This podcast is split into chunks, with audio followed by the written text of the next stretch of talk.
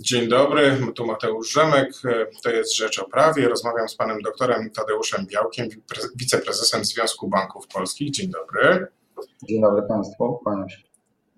Panie doktorze, jesteśmy na kilka dni przed uchwałą Sądu Najwyższego, który 25 marca ma rozstrzygnąć, co e, banki i co klienci, e, tak zwani kredytobiorcy frankowi, będą mogli zrobić ze swoimi pytaniami ze swoimi kredytami. Pierwsza mhm. prezes Sądu Najwyższego, pani Małgorzata Manowska, złożyła sześć pytań, no, które, rozstrzyga, które mają rozstrzygnąć kompleksowo zasady postępowania. E, z szacunków Komisji Nadzoru Finansowego wynika, że taki najczarniejszy scenariusz, w którym e, sąd uzna, że te mhm. umowy są nieważne, że klient ma prawo odzyskać wpłacone środki, a bank nie ma prawa żądać zwrotu kapitału, za które zostało kupione mieszkanie, będzie kosztował sektor bankowy 234 miliardy złotych. Proszę powiedzieć, na ile sektor bankowy, na ile Związek Banków Polskich ocenia taki scenariusz za, za prawdopodobny? Przede wszystkim chciałbym wskazać, że e, przygotowujemy się bardzo intensywnie do treści uchwały, która może zapaść 25 marca. Swoją drogą nie jest przesądzone, czy na pewno ta uchwała zapadnie 25 marca. Widzimy już wyterminowanie uchwały w składzie siedmiu sędziów na połowę kwietnia. Natomiast odpowiadając wprost na Pańskie pytanie, ten scenariusz najdalej idący, ten, który jest szacowany na ponad 200 miliardów, jest w naszej ocenie dość mało prawdopodobny, biorąc pod uwagę to, że nawet w uchwale z 16 lutego tego roku Sąd Najwyższy inaczej wypowiedział się w kwestii przedawnienia wyraźnie wskazał, że nie może być ono liczone od momentu wypłaty, więc to już by chociażby z tego względu przekreślało szansę tego scenariusza. Natomiast tak naprawdę przygotowujemy się rzeczywiście na wszystkie scenariusze, różne warianty nieważności, e, tak zwane odfrankowienie e, w oparciu o stawkę LIBOR czy WIBOR, czy nawet średni NBP, to są wszystkie te scenariusze, które bierzemy pod uwagę, które szczegółowo analizujemy. My także obok Komisji Nadzoru Finansowego szczegółowo wyliczyliśmy sobie E, straty związane z każdym z tych wariantów. E, dobrze, ale przypomnę tylko, że na łamach mhm. Rzeczpospolitej sędzia Aleksander Stępkowski, rzecznik Sądu Najwyższego, powiedział, że Sąd Najwyższy podejmuje decyzje kierując się kryteriami prawnymi, nie zaś ekonomicznymi lub mhm. względami takich lub innych polityk gospodarczych, mhm. więc jakby tutaj e, moim zdaniem no wszystkie scenariusze są możliwe, nawet właśnie ten naj, najmniej korzystny dla banków, a najkorzystniejszy dla, dla kredytobiorców. E, I w, w, takim razie pytanie, zostając przy tym najczarniejszym scenariuszu, co to oznacza dla sektora e, bankowego? Czy jakby taki najczarniejszy scenariusz się ziścił, to czy e, banki będą upadać, szczególnie te, które są najbardziej obciążone tymi toksycznymi kredytami? Jeszcze raz podkreślam, że oczywiście trudno nie zgodzić się z panem sędzią Stępowskim, który zwraca uwagę na to, że Sąd Najwyższy bierze pod uwagę kryteria prawne, te wyliczenia, e, które przedstawia Komisja Nadzoru Finansowego czy Związek Banków Polskich, one pokazują w sensie ekonomicznym, ile te warianty stanowiłyby obciążenia dla sektora bankowego. W tym najczarniejszym wariancie, znowu odpowiadając wprost na Pańskie pytanie, no to oznacza de facto upadek tak naprawdę co najmniej kilku banków. Natomiast jeszcze raz podkreślam, że z punktu widzenia czysto prawnego, bo do tego odnosiłem się w swojej poprzedniej wypowiedzi, już w uchwale z połowy lutego Sąd Najwyższy jednak z punktu widzenia czysto prawnego podejścia inaczej wypowiadał się w kwestii przedawnienia, a to właśnie e, w naszej ocenie powoduje, że ten wariant jednak e, nie jest e, najbardziej prawdopodobnym wariantem, jakim, czyli kierunkiem, którym Sąd Najwyższy może podążyć. No dobrze, znaczy z tych trzech mhm. scenariuszy sądowych dwa zakładają, że bank nie będzie mógł skorzystać z tak zwanego wynagrodzenia za korzystanie kapitału przez klienta. No ten najbardziej e, drastyczny scenariusz 234 miliardy to zakłada, mhm. ale jest też drugi scenariusz, kiedy ten klient faktycznie zwraca kapitał otrzymany od banku, ale bez mhm. żadnych dodatkowych świadczeń e, e, ze swojej strony. Takie następuje unieważnienie umowy i, mhm. i, i zwrot wzajemnych świadczeń. I no, w tym scenariuszu tam zdaje się koszty też będą około chyba 100 mm. miliardów złotych dla banków, co też będzie pokaźną kwotą. Słyszałem, że e, prawnicy sektora bankowego rozważają, żeby w takiej sytuacji złożyć e, skargę do Trybunału Sprawiedliwości Unii Europejskiej w Luksemburgu z pytaniem, czy bankowi właśnie nie powinno się należeć wynagrodzenie za, za korzystanie z tego kapitału. Skutek tego będzie taki pewnie, że wstrzyma to rozstrzygnięcie w tych sprawach na, na kolejne dwa lata i no, znowu będziemy musieli czekać na, na ostateczne załatwienie sprawy kredytów frankowych.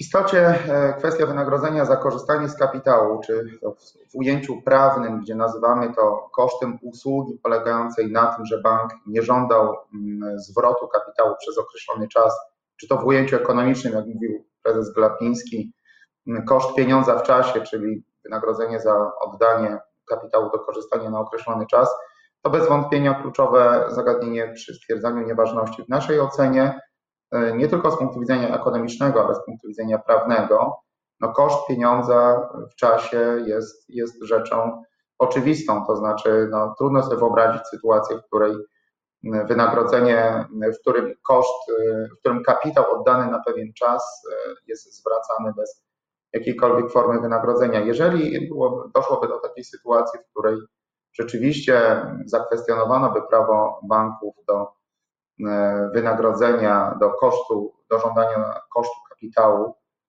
e, to niewątpliwie z punktu widzenia środowiska bankowego będą wykorzystane wszystkie możliwe ścieżki, także na poziomie prawa unijnego w zakresie możliwości wnioskowania, e, wnioskowania, aby któryś z sądów na poziomie krajowym zdecydował się zadać takie pytanie do Europejskiego Trybunału Sprawiedliwości. No dobrze, ale y, teraz omówmy ten trzeci wariant, w którym y, Sąd Najwyższy uznaje, że y, rozliczenia pomiędzy klientem a bankiem polegają na tym, że klient dostaje z powrotem wszystko to, co wpłacił, a bank dostaje z powrotem i kapitał, i to wynagrodzenie za jego korzystanie. Ten scenariusz, według wyliczeń Komisji Nadzoru Finansowego, nadal będzie kosztował około 70 miliardów złotych, czyli dwukrotnie więcej niż e, e, propozycja, która wyszła z Komisji Nadzoru Finansowego i jak rozumiem jest też propozycją Związku Banków Polskich, żeby e, w ramach ugód odfrankawiać te kredyty, zamieniać je na, na, złotów, na złotówkowe i, i przeliczać je według stawki WIBOR. I mhm. zastanawiam się, jak Państwo, jako sektor, jako banki, chcielibyście zachęcić klientów, no bo nadal ta e, najłagodniejsza, można by było powiedzieć, uchwała Sądu Najwyższego będzie znacznie korzystniejsza niż te ugody, e, na które w tej chwili chcą iść banki. Czyli jaka będzie zachęta dla, dla klientów, żeby skorzystać z tej, z tej propozycji, która no, finansowo nie jest jednak tak, e, tak atrakcyjna. Już odpowiadam. To znaczy tu co najmniej dwie kwestie pan redaktor poruszył. Po pierwsze, jeśli chodzi o kwestię dotyczącą scenariusza, w którym jest stwierdzona nieważność e, i jest e, przesądzone prawo banku na żądanie zwrotu kapitału i wynagrodzenia za jego korzystanie, to tutaj zresztą znów odwołam się do słów presa Glapińskiego. Bezspornym jest e, prawo żądania tego wynagrodzenia w ocenie presa Glapińskiego, natomiast sporna jest, sporny jest sposób, w jaki powinno być ono wyliczane. Tu akurat się różnimy w szacunkach między Komisją Nadzoru Finansowego a Związkiem Banków Polskich. My opracowaliśmy dość szczegółowe, mm, e, szczegółowe opracowanie dotyczące metod wyliczania tego wynagrodzenia. Oczywiście też e, korzystając z wielu wariantów. E, Komisja Nadzoru Finansowego wyliczała je bez marży, stąd kwota tej straty jest relatywnie większa. Natomiast y, odnosząc się do y, drugiego pańskiego pytania dotyczącego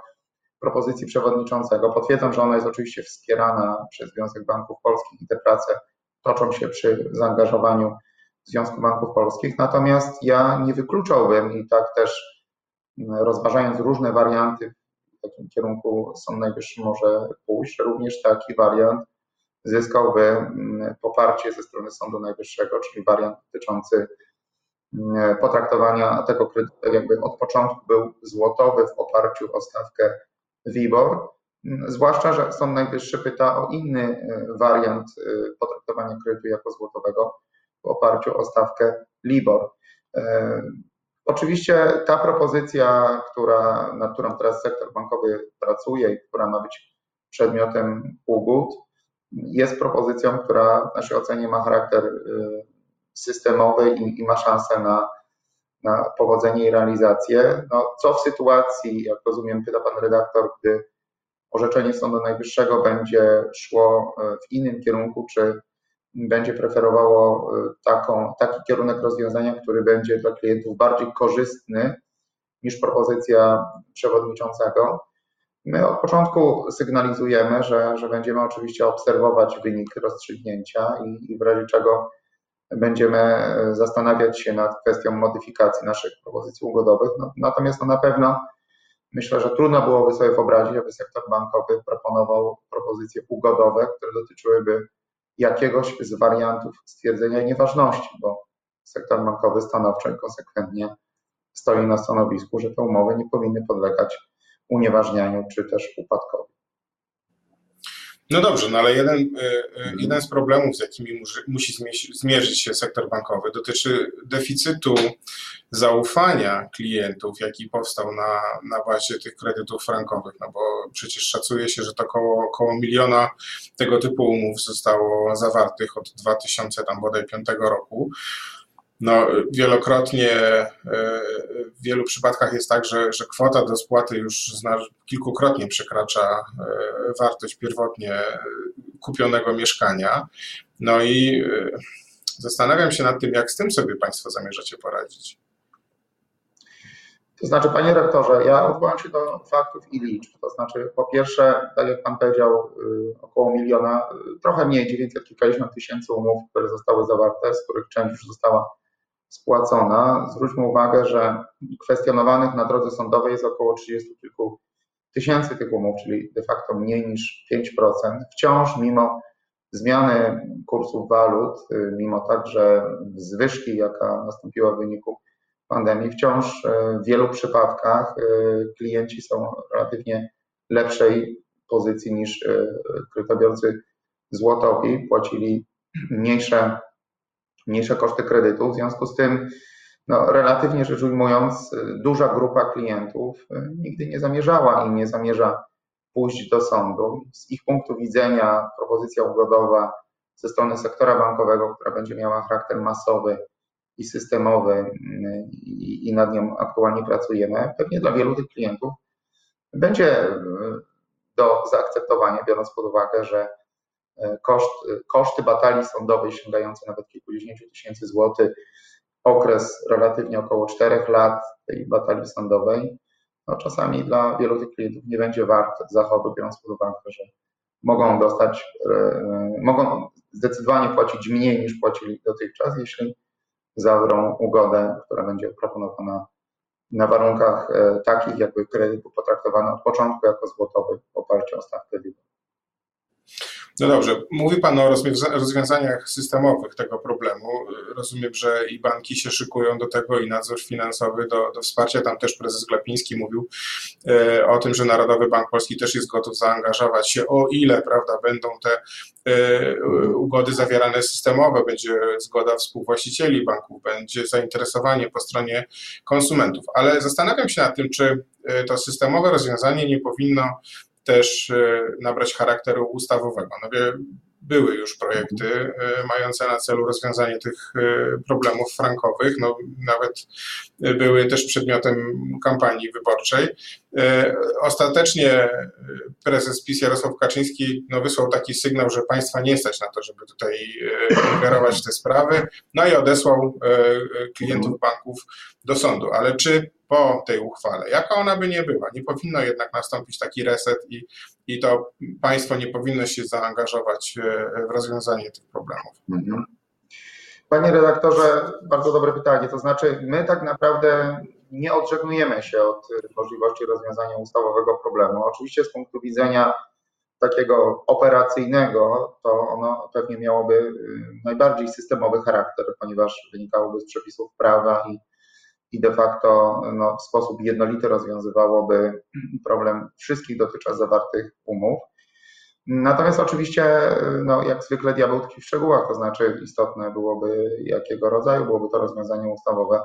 My od dłuższego czasu powtarzamy, że takie rozwiązanie, aby miało postać sprawiedliwą, no musiałoby w sposób nadmierny nie, nie uprzywilejowywać jednej grupy kredytobiorców, czyli kredytobiorców walutowych wobec kredytobiorców złotowych e, i powinno w jakiś sposób uwzględniać jakby partycypację w tym rozwiązaniu i strony bankowej, i strony klienckiej, ale także strony e, państwa, e, z uwagi na to, że państwo także w pewien sposób korzystało z tego faktu, że kredyty mieszkaniowe były udzielane, rynek mieszkaniowy wzrastał, podatki z tego tytułu były płacone i w takim kierunku też e, rozwiązania w innych, w niektórych innych państwach europejskich podążały. To w takim razie kto powinien e, ponieść koszty e, przekształcenia tych kredytów? Czy banki, czy klienci, czy państwo? W naszej ocenie, to jest oczywiście materiał do pracy, ale w naszej ocenie, jaką proponowaliśmy, e, za sprawiedliwe rozwiązanie wskazywaliśmy, że każda ze stron po jednej trzeciej powinna w takim koszcie uczestniczyć.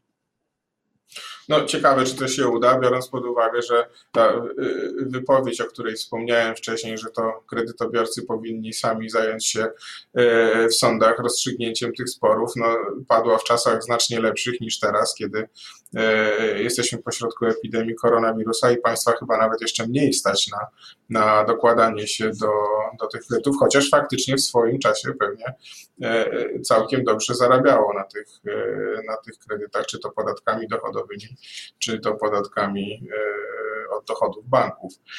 No dobrze, panie prezesie, czekamy w takim razie na 25 marca. Ja jednak liczę, że ta uchwała zapadnie, chociaż faktycznie tam nawet polityczne elementy wchodzą w rachubę, bo się, bo się tam też i polityka e, jak, skupi jak w soczewce, bo nowi sędziowie, starzy sędziowie Sądu Najwyższego, kwestia obsady e, tych stanowisk sędziowskich też może budzić pewne pewne wątpliwości i może być także później w finale podnoszona przez stronę bankową, e, która może kwestionować, zdaje się, taką uchwałę niekorzystną jako podjętą w może niezgodnym e, z prawem składzie? Jak pan sądzi, będzie tak, może się taki zarzut pojawić? Może myślę, że to już wkraczamy w taką jednak sferę trochę polityki. Ja raczej chciałbym jako bankowiec abstrahować od takich wątków politycznych. Natomiast w istocie rzeczywiście takie głosy są podnoszone, że, że mm, mogą być wątpliwości dotyczące tego, czy, czy właśnie ta uchwała 25 będzie miała szansę być e, rzeczywiście e, podjęta. Ale czekamy i, i obserwujemy i jesteśmy gotowi na, mm, na te scenariusze, które, które ewentualnie 25 by zapadły, chociaż tak jak zasygnalizowałem na początku, zaobserwowaliśmy również wyterminowanie uchwały w składzie siedmiu sędziów na połowę kwietnia. No dobrze. Bardzo panu dziękuję za rozmowę. Moim i państwa gościem był pan dr Tadeusz Białek, wiceprezes Związku Banków Polskich. Bardzo dziękuję. Bardzo dziękuję.